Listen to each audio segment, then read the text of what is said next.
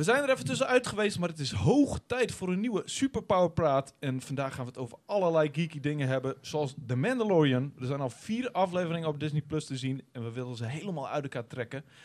En Rick and Morty, want dat is een van de meest fantastische science fiction animatieseries. En één van deze personen aan de tafel hier is daar nog niet van op de hoogte. Dus we gaan hem overtuigen.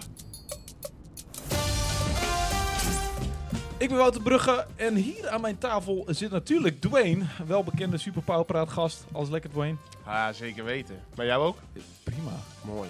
En Kenneth. Hallo. Kenneth, jij bent een uh, ex-Power Unlimited stagiair. Jazeker, de stagiair zonder bijnaam. Ja, nou ja, ik had je de, de H van je naam eraf gehaald, vond ik heel grappig. Maar voor de rest had je geen bijnaam. Toen vond je dat hilarisch, ja. Sindsdien is er een hoop gebeurd je bent niet, uh, het is niet het hoogst haalbare wat je ooit behaald hebt, volgens mij. Meer. Nou ja, het was wel de, de grondlegging van mijn geekdom hoor. Mijn stage bij Power Limited. Oh, en daarna ben ik echt als een malle gaan gamen, series gaan kijken, films gaan kijken. Dus het is tof om weer even terug te zijn uh, in het moederschip. Wat fijn om te horen dat ik jou iets heb bijgebracht. Of wij ons, uh, wij jou iets Absoluut. hebben bijgebracht. Oké, okay, dus met jou gaan we het hebben over Rick en Morty.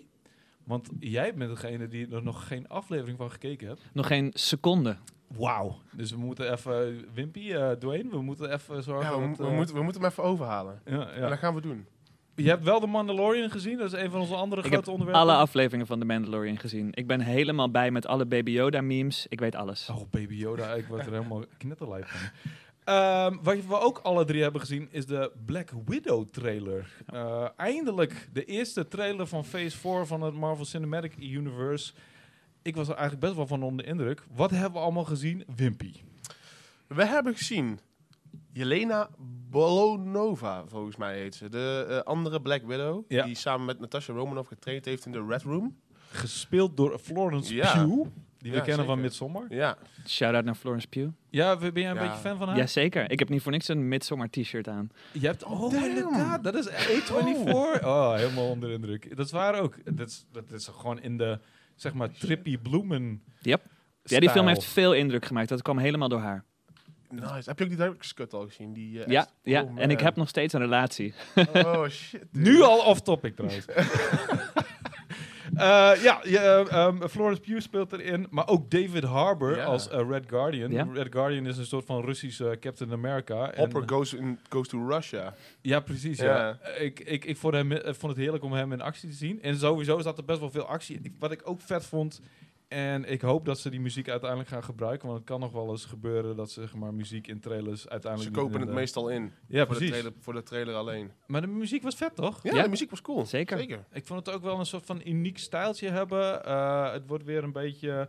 Laten we er even kort over hebben waar het over gaat. Want het is natuurlijk. Ik bedoel, niemand zal het een verrassing zijn. Maar Black het is een prequel-verhaal, toch? Ja, ja, want Black Widow is natuurlijk niet meer onder de zozeer levenden. Spoiler! Sorry. Uh, maar als je Avengers Endgame nou nog steeds niet hebt gekeken en je kijkt toch wel, of je luistert wel naar Superpower Limited, dan heb je iets anders te doen naar Superpower Limited luisteren.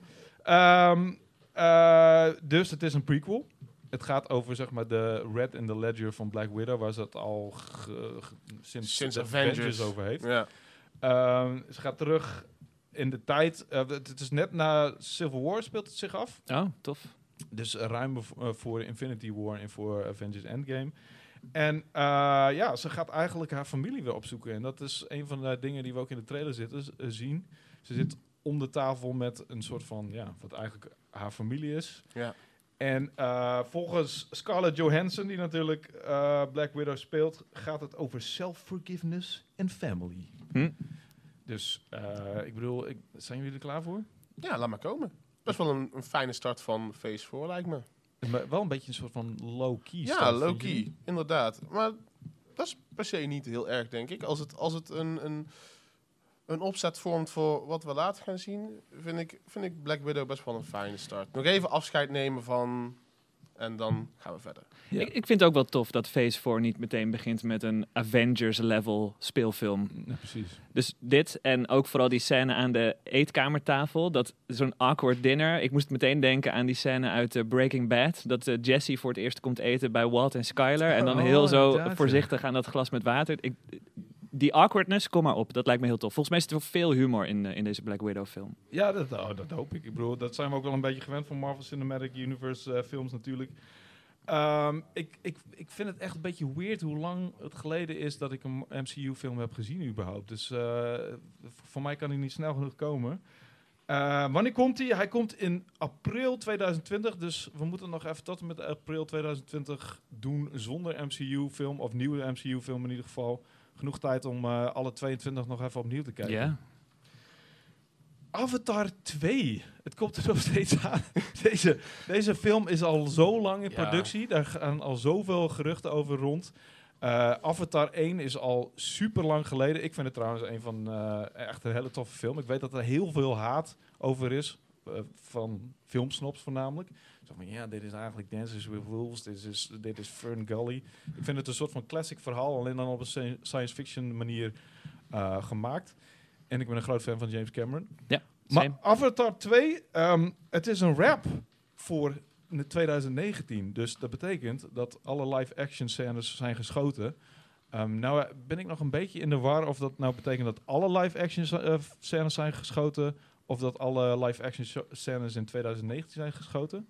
Maar het gaat in ieder geval lekker met de opnames. Wat, wat uh, hebben jullie zoiets van, nou, ik ja, bij mij was hij ook een beetje van de radar verdwenen. En ik vond het een grappig incheck momentje in de wereld van Avatar. Ik dacht, oh ja, natuurlijk, Avatar bestaat ook nog gewoon. En deze film komt gewoon uit. Ja, ik, um, ik vond Avatar 1 ook heel erg gaaf. En ik ben wel benieuwd naar meer, meer Navi-verhalen. Uh, uh, dus jij bent een van de weinige niet Avatar-hatende filmsnops. Nee, ja, het was die bioscoopervaring van de eerste Avatar vond ik heel erg tof. De, de 3D uh, viel niet tegen. En uh, ja, ik, ik, ik werd gewoon helemaal blown away door die wereld die, uh, die James Cameron neerzette. En ja, als we daar weer meer van meekrijgen, prima. Ja. En wat blijkt uit de foto op Instagram waar ze mee zo aangaven dat het een rap is voor 2019, het filmen, um, gaan we onder water. Dus dat vind ik eigenlijk best wel vet. Ik, uh, dat, dat, kan een hele nieuwe wereld opleveren.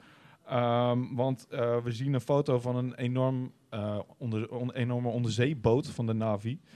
En um, ja, ik, ik, weet je, er valt nog zoveel te verkennen in die wereld. Er zijn nog... Dus voor mij was dat ook het meest boeiende van de film. Gewoon het ontdekken van die wereld en hoe het uitgewerkt was. Yes. was fenomenaal. Ja, zoveel kleuren, zoveel flora, zoveel fauna. Ik bedoel, ik was helemaal verloren in die, in die wereld. En ook omdat het een van de laatste goede manieren van 3D gebruiken was. Sindsdien heb ik eigenlijk nooit meer zulke goede 3D gezien. Niet echt, hè? Nee. Onderwaterfilms kunnen ook heel erg kut zijn. Absoluut. Maar James Cameron heeft heel veel ervaring met onderwater. Zowel qua films, want hij heeft de Abyss gemaakt, wat ook een hele goede... Ja, ja, klopt. Het is eigenlijk een soort van Alien meets, um, ja, onder water. Heb je die gezien, baby? Nee, niet gezien. Heb je die Abyss nee, niet die gezien? Abyss niet gezien. James Cameron is dus een van mijn favoriete regisseurs. Hij heeft Terminator 2 gemaakt. Ja. Wat mij betreft een, meest, een van de meest geniale actiefilms ever gemaakt. Aliens. Laten Mhm. we die ook vooral Mhm. niet Een van jouw favoriete films? Ja, de- volgens mij staan die, die staan eigenlijk een beetje op 1 en 2. Hm. Uh, en The Abyss. uh, en natuurlijk True Lies. Ik weet niet Ja, of je die True Lies, zeker weten. Oké. Arnie, Arnie en Jamie Lee Curtis. Ja, precies. Ja. En, en een van de meest... uh, die, die hadden sexy times met elkaar. Ja, ja, zeker. Ik en ze logen tegen elkaar over hun lives en zo. Ja. Ik Ja. vind dat een van de meest... eh, nou, eigenlijk vind ik dat zijn slechtste films. Ook echt totaal. Gewoon echt veruit zijn slechtste film. Hm. Maar goed. Ehm, en natuurlijk Titanic. Is ook van Ja. James Cameron. Ook met water. Ook water, ja. Ja, hij dus hij heeft heel veel ervaring met water. Dus het is alleen maar logisch dat hij nu onder water gaat eh, met een onderzeeboot. Wat weten we nog meer van die film? Nou, eh, we De cast, wat vinden we van de cast? Ja, we, de- we hebben Kate Winslet is nieuw. Ja. Eh, Michelle Yeoh, Jermaine Clement. Nou, ik weet, Jermaine Clement is toch geniaal of niet? What We Do in the Ja. Shadows. Hij is briljant. Ja, ik word eh, altijd heel erg vrolijk van hem. En ik heb hem ook sinds, eh, of recent weer gezien in Legion. Ja, hij is ja, inderdaad, ja. Heel grappig. Legion? Oh, damn. Legion moet ik sowieso ook nog verder kijken. Heb ik ook niet afgekeken. En waar we het ook straks over gaan hebben, eh, Rick en Morty, zit hij ook in. Heeft hij ook een, een, een voice, een voice rolletje? Ja, eh, hij speelt niemand minder dan. Fart. echt een vette aflevering. Dit is Helpt niet om mij te overtuigen Nee, om? Rick en Morty te gaan kijken. Jermaine Clement als een karakter genaamd Fart. Weet jou niet te over te halen? Nog niet, sorry. Oké, nou we gaan straks nog even verder over eh, eh, Rick en Morty, want eh jij moet zeker overtuigd worden. Het is eigenlijk voor je eigen best wel, hè? We doen het niet voor onszelf. Oké. Nou, Avatar 2 gaat over de kids van, eh, van Jake Sully. Eh, Toch? ja. Dat, dat is de story. En en Neytiri. Ja. Mhm. En dat is eigenlijk een beetje, het gespeeld zich jaren naar het vorige deel af. Nou, eh, we zijn ook inmiddels al jaren naar het vorige deel. ja. Ehm, het is niet heel veel bekend over het plot. We weten wel dat er nog drie andere films, dus in totaal worden het vijf films. En die worden allemaal eh, tot aan 2027 uitgebracht. Ja, is, zien jullie vier films in deze, ehm, in deze wereld wel zitten? Ja, ach, ik... ehm, zolang het goede films zijn, zeker, dan zal ik er gewoon naartoe gaan. Het, ik hoop alleen... Kijk, die films worden gemaakt. Het is niet zo dat ze daar nu ineens mee kunnen stoppen. En dat vind ik altijd wel een beetje tricky. Ja. Het Maar- is, het, ze hebben een commitment zijn ze aangegaan. Precies. En ze gaan er ook niet mee stoppen als het... Weet je? Als Avatar is- 2 heel erg kut is, dan komt er nog steeds een Avatar 3. Ja, absoluut. Ja. En van dezelfde makers, met dezelfde mensen erin, Ja. gemaakt door hetzelfde team. Dus ik hoop gewoon heel erg dat Avatar 2 tof wordt. Als, als, als het toffe film zijn, ga ik ze zeker zien. Want hij pusht wel altijd die envelop wat eh, eh, special effects en practical effects betreft. James Cameron is een van de weinige filmmakers die dat gewoon... eh, Elke keer weer, eh, hij, hij ver- verzint nieuwe cameratechnieken, hij bouwt zelf nieuwe camera's, hij monteert ze op allerlei onderzeeboten waar hij vervolgens zelf in gaat zitten. Hoe vet is dat? Ja, nee, daarom, het is een van, daarom is het mijn favoriete regisseur. En hij staat best wel garant voor een hit. Want niet alleen Titanic, maar ook Avatar waren een van de grootste kaskrakers in de Ja. geschiedenis van de films. Ja. Dus de kans dat hij een flop maakt is niet heel groot, maar wie weet. Is Avatar t- eh 1 niet ook net van de troon Ja, gestoten door Avengers ja, Endgame? Klopt. Yes, Ook wel is- interessant, hè? Ja, ja, dus zo lang heeft hij... Wanneer is hij uitgekomen? 2009 is Ja. volgens mij Avatar 1 al. Dus, dus tien jaar lang is dat eh, de grootste kras He kaskraker. reigns supreme, ja man. En daarvoor was het dus Titanic. Wordt Avatar 2 dan de film die Avengers Endgame van de troon gaat stoten, denken jullie? Dat gaat hij wel proberen. Ja, dat, dat, gaat hij zeker proberen. Het lijkt me niet meer dan logisch. Wat Het gekke was van Avatar is dat het, eh, en dat vond ik net zo gek als bij Lord of the Rings bijvoorbeeld, het sprak heel veel mensen aan. En we noemen, noemen ze hier wel gekscherend normies. Ja. Maar ook niet geeky mensen waren heel erg... Jouw oom en tante gingen ook naar eh, Avatar en Ja. die vonden het ook tof. ja. Dus als die allemaal weer gaan. En ik weet nog steeds niet waarom. Het is niet, ik bedoel, misschien hebben ze Titanic gezien en dachten ze van, huh, de regisseur van Titanic. Maar zo diep ben je toch niet in die films als je... Dus ik, ik vind het nog steeds een mysterie waarom Avatar zo super goed heeft gedaan. Eh, ondanks dat ik het een hele toffe film vind en eh, heel goed snap wat de charme ervan is. Hm. Maar ik snap niet dat het zo'n mass appeal heeft. Maar laten we hopen dat Avatar 2 dat ook heeft en dat het net zo'n goede film wordt als 1. Ik ben heel erg blij dat we het daarover eens zijn, dat het een goede film is. Ja. Jij bent Ja. toch ook geen hater, Wimpy? Nee, zeker niet. Zeker niet. Ik, ik noem je steeds weer Wimpy. Maar Ja, je mag gewoon. je hebt Mag twee gewoon. namen, Dwayne Ja. en Wimpy. Dus als jullie in de war Doe zijn, ding. er zitten hier niet drie mensen, of eh, er zitten hier niet vier mensen aan de tafel. Het zijn er drie en één heeft twee namen. Prima. Het lijkt wel een eh, James Cameron film. Laten we eh, doorgaan naar het volgende onderwerp. Straks gaan we het hebben over The Mandalorian en over Rick and Morty. Eh, over alle eh, nieuwe afleveringen van Rick and Morty en over de vier afleveringen die The Mandalorian al heeft. En hoe fantastisch of niet fantastisch we die vinden. Ehm, maar laten we het even hebben over iets waar jij vooral heel enthousiast over bent, Kenneth. Ja. Want Martin Scorsese, of is het Scorsese?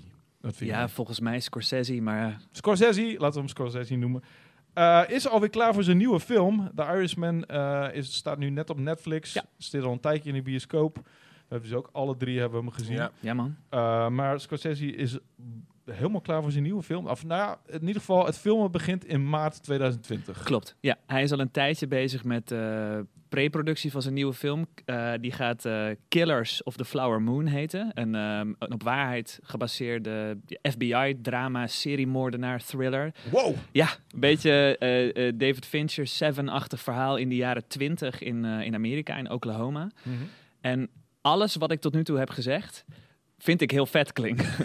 dat plus Martin Scorsese, de twee hoofdrollen worden gespeeld, als het goed is, door Leonardo DiCaprio en Robert De Niro. Hoe En vet dat is dat? extra bijzonder, omdat die eigenlijk nog nooit samen in een featurefilm hebben gespeeld. Precies. En dan geregisseerd door Scorsese. ehm, en tijdens, ten tijde van de opkomst van de FBI, de zoektocht naar een seriemoordenaar die de, een, een bevolking van de eh, oorspronkelijke Amerikaanse inwoners die op eh, rijke oliegrond leven uitmoordt. Dus het heeft gewoon heel veel van die true crime elementen eh, die zich volgens mij perfect lenen voor een Scorsese-film. We zijn de laatste tijd wel heel erg gefascineerd door seriemoordenaars. We hebben Mindhunter. eh er zijn een heleboel documentaires over ja, seriemoordenaars Netflix staat er echt vol mee. Ja. Eh, hoe heet die eh, knakker ook alweer? Ehm, eh, d- d- er is nog een film geweest van een seriemoordenaar, maar dat remind me.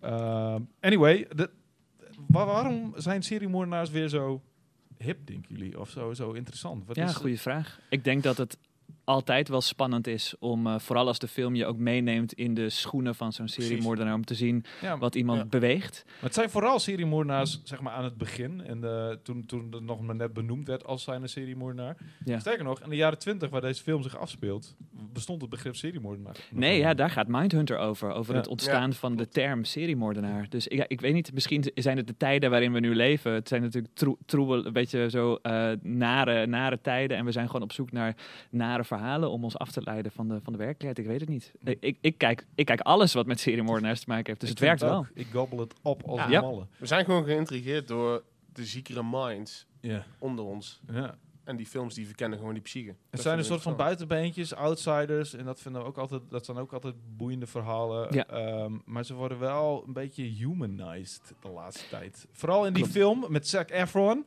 Oh ja, van Ted... Over eh, Ted Bundy. Ja. Ja.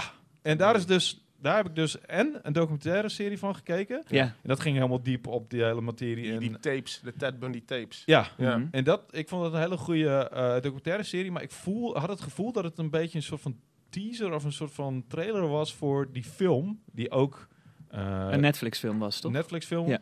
En die ging juist over de hele menselijke kant. En die ging eigenlijk helemaal niet over de moorden. En ik vond het eigenlijk best wel een kutfilm. Oké. En waarom was de documentaire goed? Eh, omdat die, ja, weet je, documentaires. Als je een beetje goede research doet en je weet overtuigend alle facetten van het verhaal, eh, zeg maar, weer te geven, dan, Ja. dan is een documentaire al vrij snel goed, toch? Ja. Eh, dus ik heb altijd moeite om een slechte documentaire te herkennen. Ik bedoel, als ik alleen maar naar Talking Head zit te kijken, dan, dan ben ik vrij snel Ja, verveeld. heb ik ook. Maar hier is er heel veel oude footage wordt er gebruikt. En wordt echt heel erg diep op ingegaan. En je hebt daarna nog steeds het gevoel dat je niet weet, eh, zeker weet of hij het heeft gedaan. Want niemand weet dat 100% zeker. Nee, precies. Maar je hebt wel het gevoel dat je alle informatie hebt die je nodig hebt om, om je eigen mening erover te bepalen. Ja. Oké. En dat, het, die film doet eigenlijk tegenovergestelde. Die heeft het eigenlijk over... Die maakt Ted Bundy eigenlijk een soort van mens. Hm. En ik vind dat een beetje gevaarlijk om dat op die manier te doen. Ja. En eigenlijk wordt het, de hele eh, moorden wordt eigenlijk nauwelijks besproken. Maar anyway. Over eh, oude footage gesproken. We hebben allemaal die Irishman gezien. Ja. Zit bomvol met archiefmateriaal en eh, beelden over de tijd waarin de film zich afspeelde. Wat, wat vonden jullie ervan? Ik zijn jullie wakker gebleven? Ja. ja, ik niet. Nee, en dat was grotendeels te danken aan de performances Ja? van eh De Niro. En vooral Al Pacino, oh my god. Oh, ja, die ja, was man. echt fantastisch. Die was Oh, ja, dat was super goed gespeeld. Ja. Ja, de, de dialogen, die, die sleepte soms een beetje, vond ik. Dat komt misschien ook wel een beetje omdat het een boekverfilming is. Dat is best wel moeilijk om, te, om te verfilmen. Maar eh, die, die, die prestaties van gewoon die household acteurs was echt, echt fucking geweldig. Ja. Ja. En eh, ik moest wel even wennen aan die de-aging technology. Ja, Dat- ik, ik ook. Maar als je eenmaal erop ingesteld bent, het viel mij op een gegeven moment helemaal niet meer op. Nee, klopt. Het was alleen de eerste scènes. Toen Ja. dacht ik, had ik het gevoel naar een cutscene van een game te kijken. Ja. Ja. Vooral Daarna- dat ene shot dat je De Niro heel, heel jong ziet. Dat hij nog in de Tweede Wereldoorlog Ja. vecht. Dat Ja. was echt gewoon een Call of Duty eh, cutscene. Ja. Maar daarna, ik Ja. heb het niet meer doorgehad. Nee, ik, begon op een gegeven moment met mijn vrienden zo van... "Wat zitten zitten we nou te kijken naar de echte acteurs? Want ze worden op een gegeven moment wat ouder, hè? Ja. En dan ga je zo kijken van... Ja. zit het nou, is hij En nou- ik hoorde dus later. Dat Pacino de hele film lang ge-CGI'd is. Ja. Dat hij dus jonger gemaakt is. En dat, had, dat viel me totaal niet op. Nee, maar hij was ook echt heel... Ja, Energiek. energiek inderdaad. Ja. Hij leek een man. beetje in eh, die Jimmy Hoffa. Hij leek een beetje op de, de Michael Corleone Godfather Part 3 era. Ja, ja, eh, goed punt. eh, El Pacino. Eh, wat ik wel heel weird vond, op een gegeven moment... Het zit, er zit zo'n verplichte scène in, die heeft elke Scorsese-film volgens mij... is dat eh, duidelijk wordt dat de hoofdrolspeler aan het eh, evil aan het worden is, zeg maar. En Ja. dat is het moment dat hij eh, naar die bloemenzaak gaat waar zijn dochter werkt. Ja. En dan gaat hij... Een van de mindere scènes van de film. Ja, een ri- Righteous Indignation scène noem ik het. Eh, die heeft bijna elke eh, casino heeft dat volgens mij ook. Dat hij zo'n vriendje, of tenminste een of andere gast die aan zijn vriendin zit, slaat hij in elkaar. Ja, Goodfellas, of was dat Goodfellas? Ik haal die twee films altijd door ik ook. Maar het is zo'n kantelpunt voor je hoofdrolspeler, waardoor je door hebt, ah oké, hij, is, hij is toch niet helemaal goed. Ja, en, en dit was dat moment. En eh, ik vond het sowieso een verplichte scène, omdat hij bijna in al eh, Scorsese's gangstersfilms zit. Dus daar vond ik het al een beetje minder. Maar wat ik ook gek vond, is dat hij bewoog echt als een oude man. Ja. En dat zag je gewoon, weet je. Dit is een oude man. Oh, jij hebt wel een jong gezicht, maar... Ja. eh, Ja. En ze kunnen veel verjongen, maar eh, Dat iemands eh, eh, eh, arthritis eh, kun je niet echt weg CGI'en. Nee, precies. Dus op dat moment had ik wel zoiets van, nou, hij staat er echt, weet je, het ziet er gewoon niet Nee. geloofwaardig uit. Klopt. Ehm, en ik heb, ja, ik vond het een hele goede film, maar ik vond het ook gewoon een lange casino en een lange Goodfellas. Laatste wat ik er nog over wil zeggen is de typische eh, Scorsese eh, one-take camera Ja. eh, door, een, Open. door een gebouw. Hij vindt het En- leuk om door gebouwen te lopen met een camera, Ja, altijd. en ik moest heel erg, want de openings, het openingsshot van die film is zo'n camera tracking Ja. door een gebouw. En dit keer niet door de Copacabana Club, maar door een bejaardenhuis. Dat vond ik wel heel tof. Dacht ik, ja, deze man heeft wel door. ja. precies. Ja, hij weet heel goed wat voor filmmaker hij is. Eh, genoeg over Scorsese, want ik eh, heb hem nog steeds niet ge- vergeven wat hij allemaal over Marvel films heeft gezegd. Oh ja. Dan neem ik hem nog steeds kwalijk. Ehm, over Marvel films gesproken. Disney eh, wil een Dragon Ball film maken. Of niet dan? Mhm. En daar is Ja. onze grote vriend eh, Dwayne heel erg blij mee. Eh. Want de vorige Dragon Ball film, was een ramp. live action film hebben we het dan over. Ja, de, bedoel, de- animatiefilms. ja, animatiefilm was, Ja, die was, wel was die was super Ja. tof, vond Ja. ik. Maar de laatste live-action film, Dragon Ball Evolution, was een atrocity voor filmmakers. voor filmmakers. De, het, het nam alles van het bronmateriaal van Dragon Ball en deed daar de, alle verkeerde dingen mee. Ja. Eh, alle story over bijvoorbeeld Piccolo en de Mackie en heel, heel zijn volk. Ja? Eh, het, het, het personage van Goku. Eigenlijk bleef er helemaal niets overeind. De meest verschrikkelijke dubbing van acteurs die niet goed Engels praten. Dus Het was echt, Oh, ja. het was echt heel erg. En jij hebt deze film gewoon in de bioscoop gezien. Ik heb hem in de bioscoop gezien met plaatsvervangende schaamte en zelfhaat. Ik heb hem nog een keer in het vliegtuig gekeken. En ik denk dat dat de beste plek is Ja. om te kijken als je het overweegt om hem Ik überhaupt te halverwege in zien. slaap vallen en vergeten dat je hem gekeken hebt. Wat ik persoonlijk heel erg jammer vond, is dat een van mijn grote helden, James Marston, erin speelt. En hij speelde eh, Spike in mijn favoriete serie eh, alle tijden, Buffy the Vampire Slayer. Oh ja. En ik dacht van, ah, misschien kan dit een revival zijn voor zijn carrière. But no, Nee. verre van zelfs. Hij speelde Piccolo.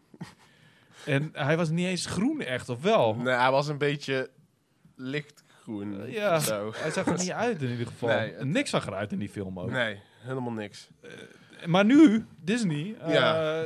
Dragon Ball, in ieder geval de filmrechten of de live-action filmrechten ervan, eh, die lagen bij Fox.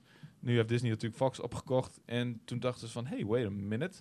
Eh, Dragon Ball is een van de meest lucratieve franchises op de aarde. Dus waarom gaan we daar niks mee doen? Ja, inderdaad. Eh, ze hebben de rechten in handen. Eh, de, de franchise van Dragon Ball gewoon als media franchise is echt goed geweest voor 20 miljard dollar ongeveer. Dus eh, Wow. ik snap dat ze het willen doen. Ja. Maar eh, het blijft natuurlijk een Aziatisch. Het blijft Aziatisch bronmateriaal. En als Westerlingen daarmee aan de haal gaan, dan. Het, het, het, meng, het mingelt zeg maar niet zo lekker. Nee. Alles, al, al die aspecten van manga en, en, en anime, dat werkt in live action, werkt dat gewoon niet. Ik zit hard te zoeken naar een voorbeeld van waar het wel werkte. Maar Ik kan alleen maar Pilgrim vs. voorbeelden The bedenken. World. Scott Pilgrim vs. The World, daarin vond ik het wel werken. ja, maar dat is niet echt Dat is een westerse strip, Ja, dat, klopt, maar er zitten wel aspecten van manga en van die hele snelle Ja, cut, Ja, weet je ja. wel. Dat, dat, dat werkte wel, maar Ja. Dat was het meer, het refereerde naar manga. Het was Ja, niet zozeer een, klopt. een, een manga. bro- de bron was niet manga, maar. Ik moest ehm, meteen denken aan die Death Note film die op Netflix is verschenen. Ook ik- ja, zo verschrikkelijk. Oh, nee. Die was echt verschrikkelijk, Dat- ja. dat- nee, liever kijk je dat niet. En wel de Japanse filmtrilogie die ze daarvan gemaakt hebben. Want Oh. ja, ze- Ik heb alleen de eerste, het eerste deel van die Japanse film Heel tof, vond gekeken. Ja, ik als, als fan van het eh, origineel. Ja, vooral omdat die, die, hoe heet die dude? N- Jij moet dat weten. De Kijk Demon? jou nu aan, Dw- Dwayne. Die, die, die, Ehm, hoe heet die? De Demon bedoel je? Ja, die Demon. Ja, Ry- gewoon- Ryuk, Ryuk? Ryuk. Die was gewoon rechtstreeks uit die, uit die Ja. eh, anime Ja. getrokken. Willem Dafoe eh, deed die stem toch? In Dat, de, dat beloofde zoveel goeds. ja. Dat was ook het enige tof van die film. Maar goed, Dragon Ball. Ja, Ja. Dragon Ball. Het, het, is, het is op dit moment nog een gerucht, gelukkig. Dus het- het is nog niet confirmed. Maar wel van een hele betrouwbare bron, toch? Ja, inderdaad. Eh, We Got Discovered is een site die vaak met geruchten komt. Die eh, hebben van een bron gehoord die de, eh, vorig jaar ook goed voorspelde dat eh, de, Aladdin remake, de Aladdin live action, Waar ik enorm van genoten heb trouwens. Dat Dat, die dat de- is echt een sidespoor, sorry. maakt niet uit, dat die eh, eraan kwam en eh, dat bleek waar te zijn. Dus nou is het dus ook wel weer reden om, eh, om aan te nemen dat, dat, dat er iets gaat gebeuren met Dragon Ball en live action. Een andere eh Twitter-scooper, Daniel Rickman, die heel veel eh, MCU en DC-releases succesvol eh, voorspelde. Die heeft er eh, ook een, een tweetje eh gestuur, eh, eruit gestuurd met een eh, vermelding naar Dragon Ball. En daarom denken fans dus dat het wel echt een beetje credible is. En dat het zomaar zou kunnen dat we een live-action Dragon Ball reboot gaan krijgen. Ja, met, met, met een waarschijnlijk... met een Aziatische cast. Ja, dat is toch wel een soort van... Dat is wat je wil. Ja. Ja. Maar is dit Ja. niet gewoon heel goed nieuws eigenlijk? Disney plus Dragon Ball plus Aziatische cast. Is dat niet gewoon precies wat we, wat we willen?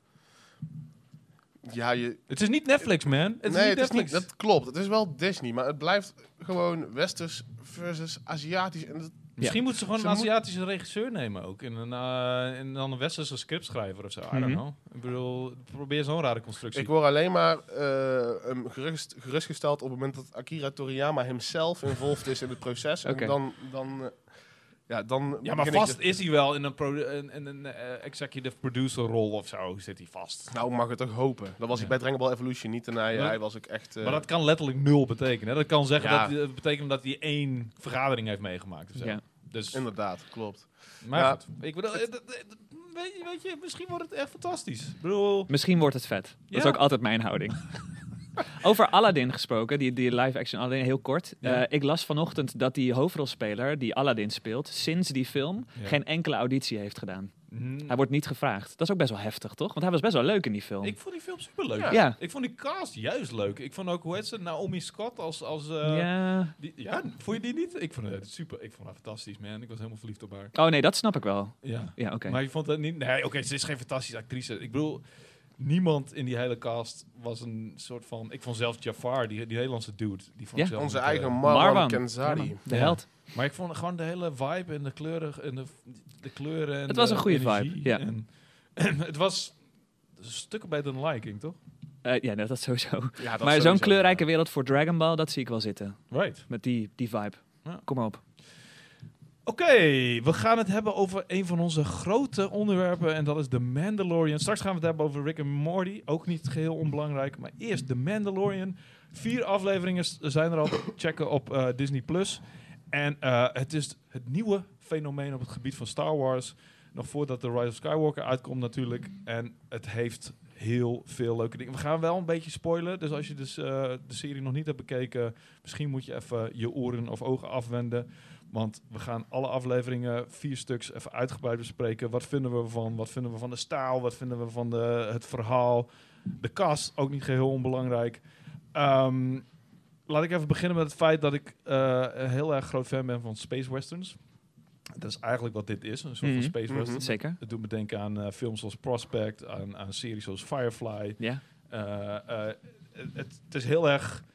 Het speelt zich in een soort van woestijnwereld af. Het is heel erg langzaam. En, en, de muziek is ook totaal anders dan we Klopt. van Star Wars gewend zijn. En een stuk minder dialogen dan in een normale, zeg maar, een ander soort tv-serie. Er wordt eigenlijk vrij weinig gesproken, vooral door de hoofdrolspeler. Ja, en dat eh, is ook een beetje aan de oude western films. Ja. wordt ook gewoon weinig gesproken. Er wordt veel gedreigd in, in, in zeg maar brooding naar elkaar gekeken. Mhm. Eh, nou doet de Mandalorian dat niet echt, want die heeft een helm op. Ja. En ook de hele serie tot nu toe Ja. Ehm, heeft hij een helm op. Terwijl er best wel een soort van Pedro Pascal zit eronder. Als ik me Wel een hottie, Klopt. jawel. Het is best wel een hottie. En ik vind zijn stem ook best wel...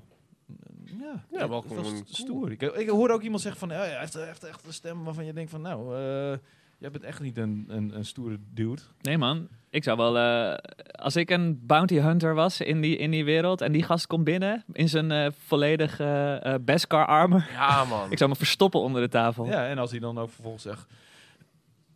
I need you. Dan zou ik echt eh, in mijn broek plassen. Ja. Maar en, eh, ik vind het qua stijl en, en, en Vibe vind ik het echt fantastisch. Zijn jullie er een beetje mee eens? Ja, zeker weten. Ik moest er wel aan wennen trouwens. Na aflevering 1 had ik geen idee wat ik ervan vond. En was ik eigenlijk een beetje teleurgesteld dat ik me zo voelde. Want ja, na, wat was het, 35 minuten of zo een aflevering gezien te hebben... die ik nog het beste kon vergelijken met een, eh, een beetje tekenfilmachtige... Het was ook allemaal heel erg kindvriendelijk. Ja. Maar inmiddels, na vier afleveringen, ben ik er heel erg aan gewend. En vind ik het erg tof.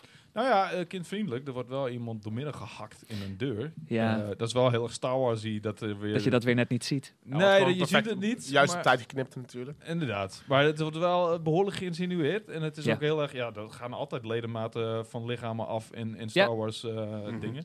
Zelfs in de, in de, in de animatieseries, als ik me niet vergis. Maar ik voel juist... Ik was meteen aan na de eerste aflevering. Was meteen Ja, ik was wel nieuwsgierig. Inmiddels ben ik helemaal aan. Oké. Ja. Ik ben juist minder aan geworden. Oh? Ben jij ook minder aan geworden? nee, dat valt eigenlijk wel mee. Ik ben juist echt heel benieuwd waar dit naartoe gaat. Wat de overarching thing wordt, zeg maar, van het verhaal. Mhm. Het, het, het voelt nu echt, echt als Chronicles of. Weet je, Ja. Chronicles of, of a Bounty Hunter. Weet je waar ik aan moest denken? Aan die serie, misschien hebben jullie die gezien, Samurai Jack, die Cartoon Network serie. Dat waren allemaal, ook een ani- animatieserie over een soort lone samurai.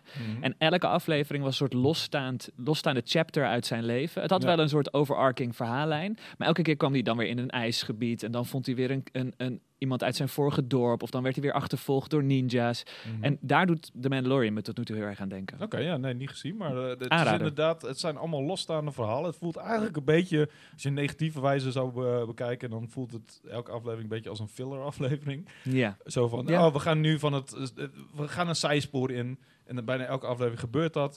In de tweede aflevering, ik bedoel, we, we gaan er even vanuit dat jullie het gezien hebben. Dus we weten allemaal dat het gaat over de Mandalorian. En die heeft een, eh, eh, die moet eigenlijk de baby, baby Yoda. Ja. Een kleine, Ja. super schattige, eh, die enorm veel speelgoed gaat verkopen. Uitziende. ehm, ja, Yoda heeft, het ras van Yoda heeft geen naam. Maar daarom noemen we hem Baby Yoda. En hij wordt Oh, hij heeft toch de- geen naam? Nee, Oh nee. het heet gewoon het Yoda-ras. Er zijn ook maar twee, eh, eh, twee personen in. En die een, een is natuurlijk Yoda en de ander is Yaddle. Dus dit is de derde. De Child, zoals hij in ja, de eh, child, de serie wordt genoemd. Ehm, het wordt al vrij snel duidelijk dat hij force sensitive als een malle is. Ja. Namelijk in de tweede aflevering al. Ja. Eh, en ja, het is zijn doel om die te terug te brengen naar eh, het, de Mandalorian. is een huurling. Dus het is zijn doel om die eh, Baby Yoda terug te brengen naar...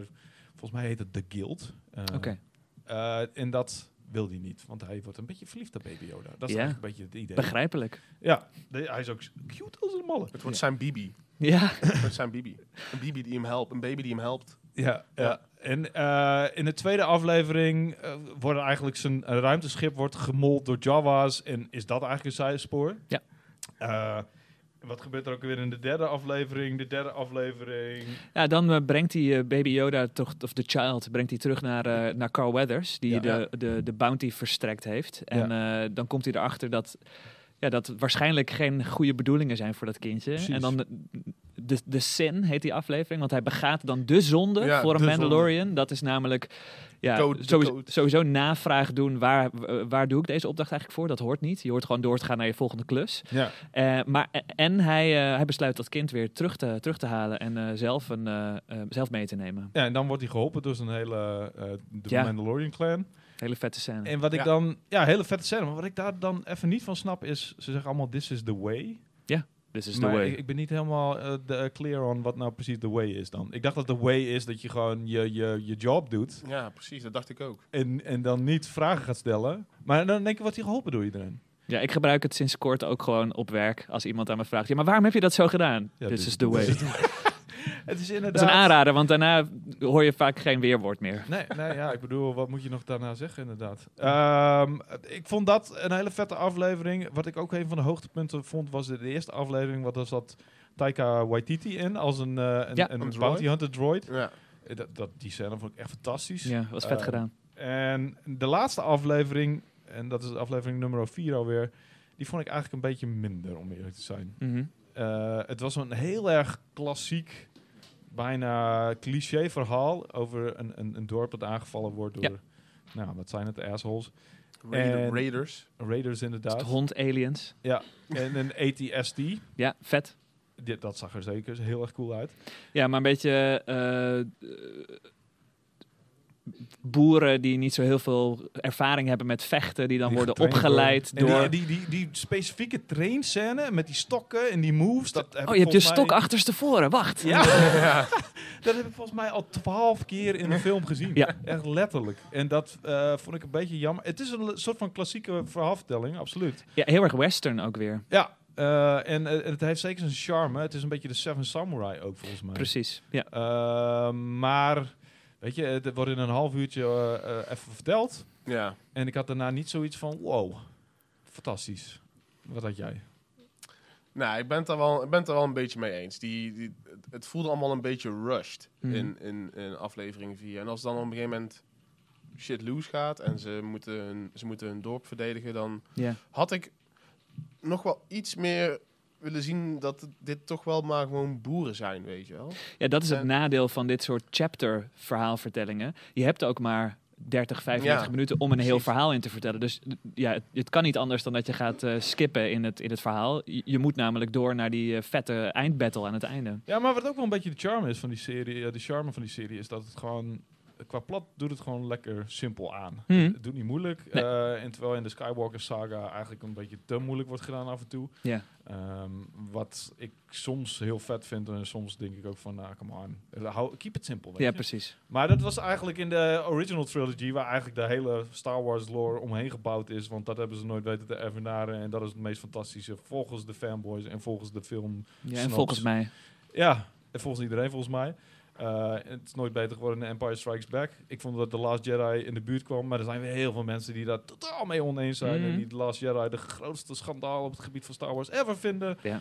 Ehm, en dit is, weet je, dit is lekker eenvoudig. Space western, lekker simpel. eh, veel sfeer, veel worldbuilding ook. Wat ik ook echt heel Prachtige belangrijk vind. kostuums, Ja, prachtige Eh, make-up. goede cast. Vechtchoreografie vond ik ook echt goed. Ja. Ja, hoewel, Wel mooi in beeld gebracht ook. ja ah, af en toe. Af en toe wel een, af en toe iets te veel knips in vechtscènes, dat, dat Ja, ja. wel. Maar Ja. over het algemeen, de kwaliteit vind ik wel gewoon zeer acceptabel. Zeker.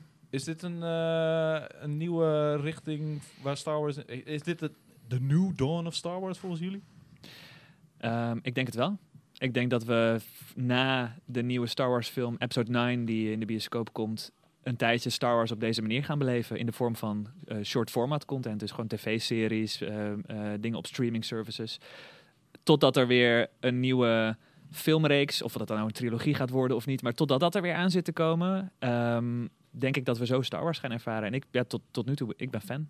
Obi- Obi-Wan komt er natuurlijk nog aan. Ja. Maar wat ik wel een beetje gek vind, eh, die Cassian Andor-serie. Eh, daar, daar ben ik er totaal Ja. niet voor aan boord, want ik vond Rogue One echt leuke film. Ja? Maar om nou dat soort van platte personage te nemen als de hoofdrolspeler in een nieuwe serie... Ja. Ik, ik voel die totaal niet. Nee, nog niet. Begint niet super. Nee, maar Obi-Wan, ik bedoel, eh, iedereen... eh, ja man. Hij is terug toch, Ewan? Ja, Ja, zeker. ook dat nog. Dus dat, dat is sowieso Ja. fantastisch. Ja. Ehm, b- bij voorbaat al. Maar wat ook nog eh, interessant is, is dat de zevende aflevering, die, niet die van komende we- week, dus morgen als jullie dit eh, luisteren of bekijken, of tenminste, Mhm. ja, je kunt ook later in de week kijken. In ieder geval vrijdag, wat is het, 5 december of 6 december? Zes. Mhm.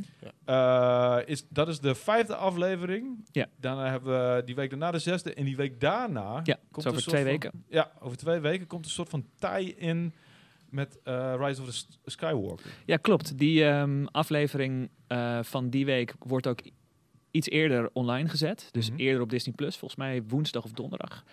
Eh, omdat het dan beter inhaakt op de release van de nieuwe Star Wars film Rise of Skywalker. En wat we precies krijgen van die film weten we nog niet. Maar we krijgen een, een soort sneak preview.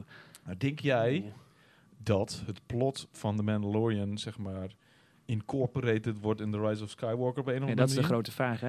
Ik, het feit dat ik nog niet kan zien hoe, wil natuurlijk niet zeggen dat het niet gaat gebeuren. Het lijkt me wel heel tof om op die manier verrast te worden. Ja, weet je wat ik wel een ding heb van Star Wars de laatste tijd, is dat ze niet zo visionair zijn op dat gebied. Dat ze niet echt een, een rode draad in een Niet als Marvel hebben. bedoel je. Nee. Ja. Eh, en hoewel Kevin Feige zich nu wel, de, de hoofdman Ja. van eh, het MCU, zich er nu mee aan het bemoeien is en zelfs tijd is met een nieuwe trilogie, zeggen ze, ehm, heb ik nog niet het idee dat ze zo'n masterplan in hun hoofd hebben. Het is echt zo van, nou, de volgende film, eh, we hebben hier drie plot points en dat moet gedaan worden. En de rest, doe maar wat. Ja. Weet je? Ja. Eh, dus ik, het lijkt me heel tof om te zien dat het in elkaar één, Ja. één, één geheel wordt, maar het lijkt me nog steeds een beetje sterk. Als ze het goed doen en het voelt niet geforceerd en eh, als een soort van enorme marketing stunt, dan sta ik daar best wel voor open.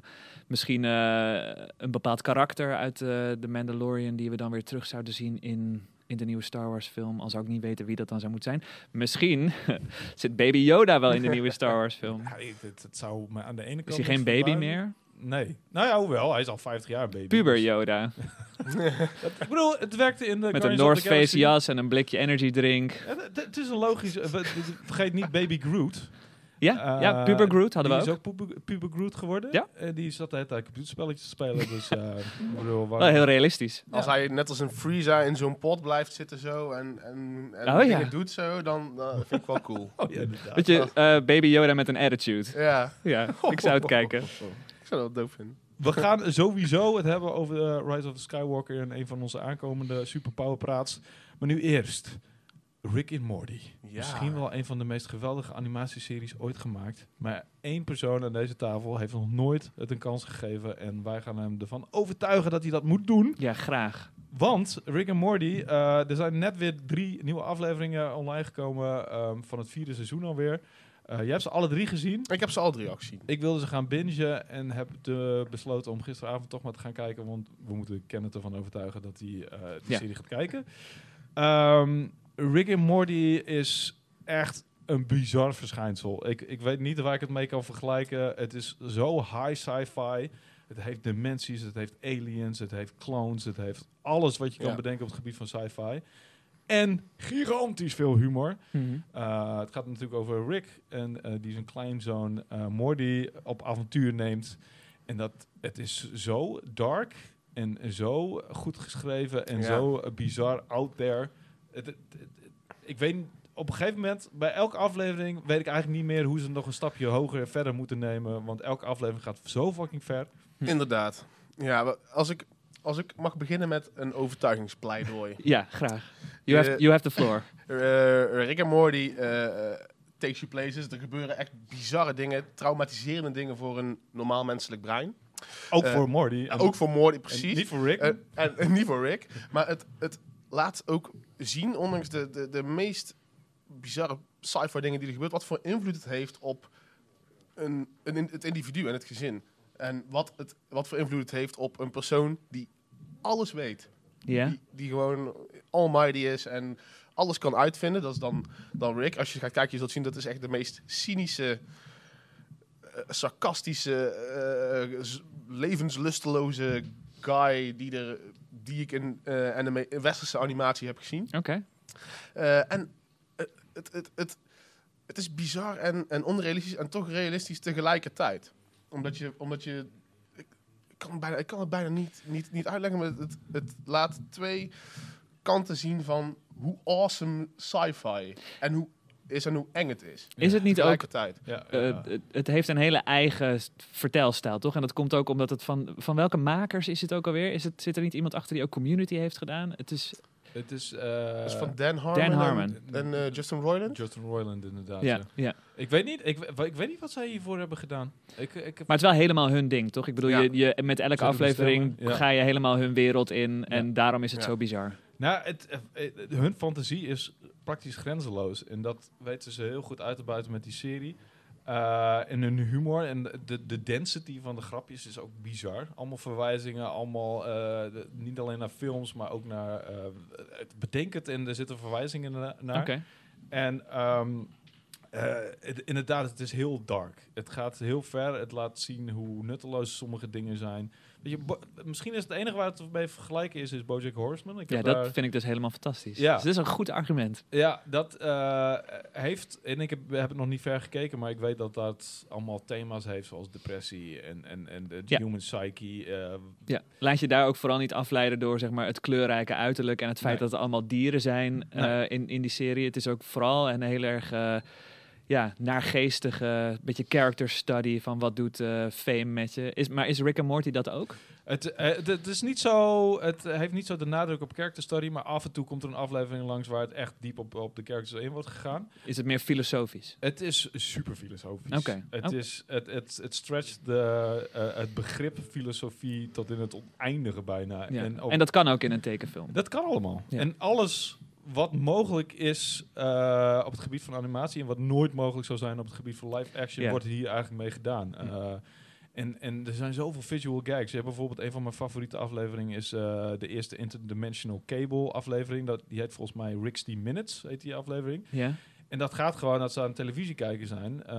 en dat ze allemaal de, de reclames en, en, en, en series in andere werelden en andere dimensies te zien krijgen. En daar Ja. gaan ze helemaal los met een humor. Het is echt zo bizar Oh, tof. wat voor shit ze er allemaal voor verzinnen. En daar zijn twee afleveringen van. En de eerste aflevering was de eerste keer dat ik echt overtuigd was van... Toen was je hooked. Ja, Oké. dat was van, oké, dit nou snap ik wat Rick and Morty is, waar het naartoe gaat en wat het allemaal in, in, in petto heeft. Precies. En ik ben aan voor deze ride. En Ja. is... ehm, seizoen 3 is nu net gestart, Vier, toch? vier. Of seizoen 4. Ja. Is seizoen 4 ook net zo goed als de hoogtij van Rick and Morty in Seasons Past? Ja, dat is dus. eh, ik heb dus nu één aflevering, anderhalf aflevering gekeken. Eh, de eerste aflevering was. Ik, ik lag niet zo hard in de deuk als ik. Weet je wat het meestal het geval bij comedies bij mij is? Als ik het een eerste keer kijk, lach ik. Als ik het tweede keer kijk, lach ik nog harder. Ja, Eh, oh ja, dus ja. Rick en Morty is dat helemaal zo, omdat je die grapjes ziet aankomen. En je denkt van, ja, daar komt hij, daar komt hij, ja! En hier Hm. eh, was ik nog niet zo hard aan het lachen. Nou, ik was ook in mijn eentje aan het kijken, dat helpt ook niet. Nee, dat heb ik ook. Maar het was wel. Er zaten weer echt hele zieke dingen in. Ik weet niet eh, of je het einde nog weet van de eerste aflevering dat ze op een gegeven moment eh, wespen waren. En dat Oh, ze aan het eten waren. ze, ze waren in een dimensie. eh, Ik zal even een soort van tipje van de sluier. Het is geen spoiler. Ze waren in een dimensie waar iedereen wespen is. En ze waren een, ehm, een levende larva. Of een soort van menselijke larve. Wat een van de characters is uit de serie ook. Aan het opeten. En die was vet aan het lijden en echt aan het kermen. En op een gegeven moment eh, poept hij een paar babylarfjes uit. En hij zei, oh my god, no, run! En toen gingen ze die babylarfjes ook opeten. Dat is een soort van de zieke humor Ja. die, die die gasten hebben. En die er heel veel in, in terugkomt. Ja. En dat is maar een tipje van de sluier. Ze gaan veel dieper dan dat. En dus je kunt zoveel doen met die verschillende dimensies. En met die aliens en met alles wat ze eh, bedenken voor die Ja, je serie. kunt wel echt, dit is voor hun een vrijbrief om helemaal los te gaan over Ja. alles natuurlijk. Ja. Maar het- ja, wa- wat me een beetje eh, huiverig maakte, is ook het feit dat ze laatst dus getekend hebben voor echt nog heel veel meer seizoenen. Ja. Zoiets las ik. En dan vind ik het altijd. Ik, ik, ik hoop dan niet dat ik er bedrogen uitkom door nu te starten en dan er bij seizoen 3 achter te komen dat het een beetje de magie verloren is. Maar dat is dus niet het geval, zeg je. Nee, Nee, ik eh, vind het van niet. Ik, Oké. ik- het enige probleem wat ik ook al eerder zei is, ik weet niet hoe ze het nog verder kunnen, eh, hoe ze nog verder kunnen gaan. Want ze gingen eigenlijk steeds verder en op een gegeven moment, pas in aflevering 8 of zo van seizoen 1 werd, werden zeg maar de meerdere dimensies geïntroduceerd. Klopt. En de meerdere Oh. versies van Rick bijvoorbeeld, waar ze ook nog heel veel mee spelen. Ja. Ja. Eh, maar ik weet niet wat ze nog meer kunnen introduceren eh, wat dat betreft. En op een gegeven moment gingen ze dus dieper op de characters in, wat Ja. ook heel goed was voor de, voor de serie. En, ehm, de, de, de moeder en vader van de, van de serie die, gingen, die lagen in een scheiding. Ja. En dat komt ook omdat Jerry, de vader, echt een fucking loser Ja. is. Ongelooflijk, wat een dwaas is dat. Maar dat is ook heerlijk, hoe Rick zeg maar, hem afzeikt. En Ja. eh, weet je die nursery nog van die verschillende Jerry's? Ja. Ik bedoel, dit- Maar eh, ondanks dat je niet per se weet hoe het verder zou kunnen gaan, heb je er wel vertrouwen in. Nou ja, dat is dus een beetje het ding. Ik denk inderdaad, ik zie Want dat wel- zal voor mij het ultieme argument zijn om gewoon vanavond nog te beginnen. Als je zegt, ik heb geen idee hoe dit nog bizarder, vetter kan worden, maar ik weet zeker dat deze mensen dat kunnen. Nou, ik heb nog nooit een kutaflevering gezien. Ja, dat is een go- goed argument. En eh, er zijn elke aflevering is op, op, op zijn eigen manier geniaal. Hm. Eh, waar als het niet character study is. En sommige zijn ook zo. Er gebeuren tien. Ze stop- ze stoppen er soms tien verschillende extreem vette sci-fi ideeën in. In één aflevering. Dat je echt denkt van wat de hel gebeurt er allemaal. Oké. En, en de, na de tijd zit je nog een keer over na te denken. En soms probeer je die eh, afleveringen te herinneren. En dan kun je niet eens alle subplots of plotpoints meer Nee. herinneren. Omdat er zoveel gebeurt. Eh, dus ik ging net eh, even alle beste afleveringen bij langs. Ja. En sommige dacht ik van, oh shit, en dat zat ook nog in die aflevering. Dat ook. En Dat, hoe kunnen ze dat allemaal in een aflevering stoppen? Dat is fucking insane. Dus dat, ze hebben wel, ze, ze maken zichzelf wel heel erg moeilijk. Ook in het komende seizoen. Van, Ja. hoe kun je Hoe ga je ooit- dit toppen? Ja, want als ik even kijk naar de, de aflevering die ik op heb ge- eh, geschreven. The Ricks Must Be Crazy, weet je die nog? Het is lastig hoor, dit. Maar eh, dat ging over die aflevering dat eh, Summer zat in zijn auto. Ja. Oh, die opgesloten in zijn auto. En Ja, die, En die werd, zonder te spoilen, die, die ging voor alles. die, werd, die, werd, die auto moest, zeg maar... Hij heeft een hele hyperintelligente auto, want hij is een professor. En hij Ja, hij is een soort Back to the. Future dog, toch? Of is Ja, dat... Daar, is hij qua design getrokken. een beetje op gebaseerd, maar hij, hij is niet happy. Oh, oké. Als Doc Brown. Hij is niet zo'n eh, Nee, niet zo'n vrolijke dude. vrolijke nee. dude. Oké, En eh, hij heeft een auto en die, die is ook een soort van hyperintelligente AI. ja. En die auto moet eh, zijn eh, kleindochter beschermen. Al, terwijl hij, Rick en Morty, even, weet ik veel. Oh ja, ze gaan in de, de accu is leeg. Ja, oh dus ja, ze dan gaan, ze... hij heeft een dimensie gemaakt die zijn auto eh, powered, zeg maar. Oh, Dus ze gaan in want dat Ja, doe je dan als je accu leeg is. Ja. Dus hij gaat in die dimensie die zijn eh, auto powered. ja. En daarin zit nog een dimensie, en nog een dimensie, en nog... Het, fucking Ja. insane. Maar ondertussen moet die auto moet, zeg maar, eh, Summer beschermen tegen, tegen die, dimensie, of die dimensie waar ze dan, dan op dat moment zijn. Mhm. En die dimensie, eh, dimensie wordt geruled door een soort van alien spiders. En uiteindelijk komt het erop neer dat eh, die auto eh, vrede maakt met, tussen de mensen en de alien spiders Ja. op die planeet. En dit klinkt wel heel grappig. en die stappen Ja. die ertussen zijn allemaal zijn echt... Maar gewoon het concept dat Rick zo slim is, dat hij een dimensie heeft gecreëerd waarin wezens voor hem eigenlijk een soort slave zijn, die Ja. voor hem Ja. die auto... Ja, het, het is zo bizar. En die, maar die wezens die dan voor hem die autopower, die zijn ook dan weer zo intelligent dat ze hun eigen dimensie hebben gemaakt om hun Ja. dimensie te poweren. dus gaan ze van dimensie naar dimensie. Ja. En dat alleen al, dat concept. Weet je, dat is maar één van de Ja. Kleine voorbeelden van hoe, die con- hoe Hm. ver die concepten gaan. Het is behoorlijk out there. Ja. Het is, ik, ik, ik kan me niet voorstellen hoe het meer out there kan zijn dan Rick and Morty. Oké, ja, want ik vind wel de out there-ness van bijvoorbeeld Watchmen op HBO, de serie die ik op dit moment heel erg, eh, ja. eh, eh, waar ik heel van geniet. Ja. Dat vind ik een van de leukste dingen. Dat ik denk, ja, hoe verzinnen ze dit nou weer? Ja. En hoe heeft dit nou weer met het eh, verhaal zelf te maken? Ja. Dat is dus Rick and Morty, maar dan gewoon keer een miljoen. Ja, dat, we hadden het net over de Mandalorian. En die heeft eigenlijk een soort van heel erg simpele eh, verhaalvertelling. En Ja. dit is eigenlijk bijna de anti-Mandalorian wat dat betreft. Terwijl het ook allebei sci-fi is, maar op een totaal andere manier. Tof. Eh, dus ik zou dit, ik zou bijna geen enkele plotstrand van dit kunnen verzinnen überhaupt. Eh, De, ja, de, de makers pakken ook gewoon regelmatig van die absurde sci-fi ideeën en plaatsen dat dan in perspectief van vandaag, waar wij een beetje mee relaten. Oké.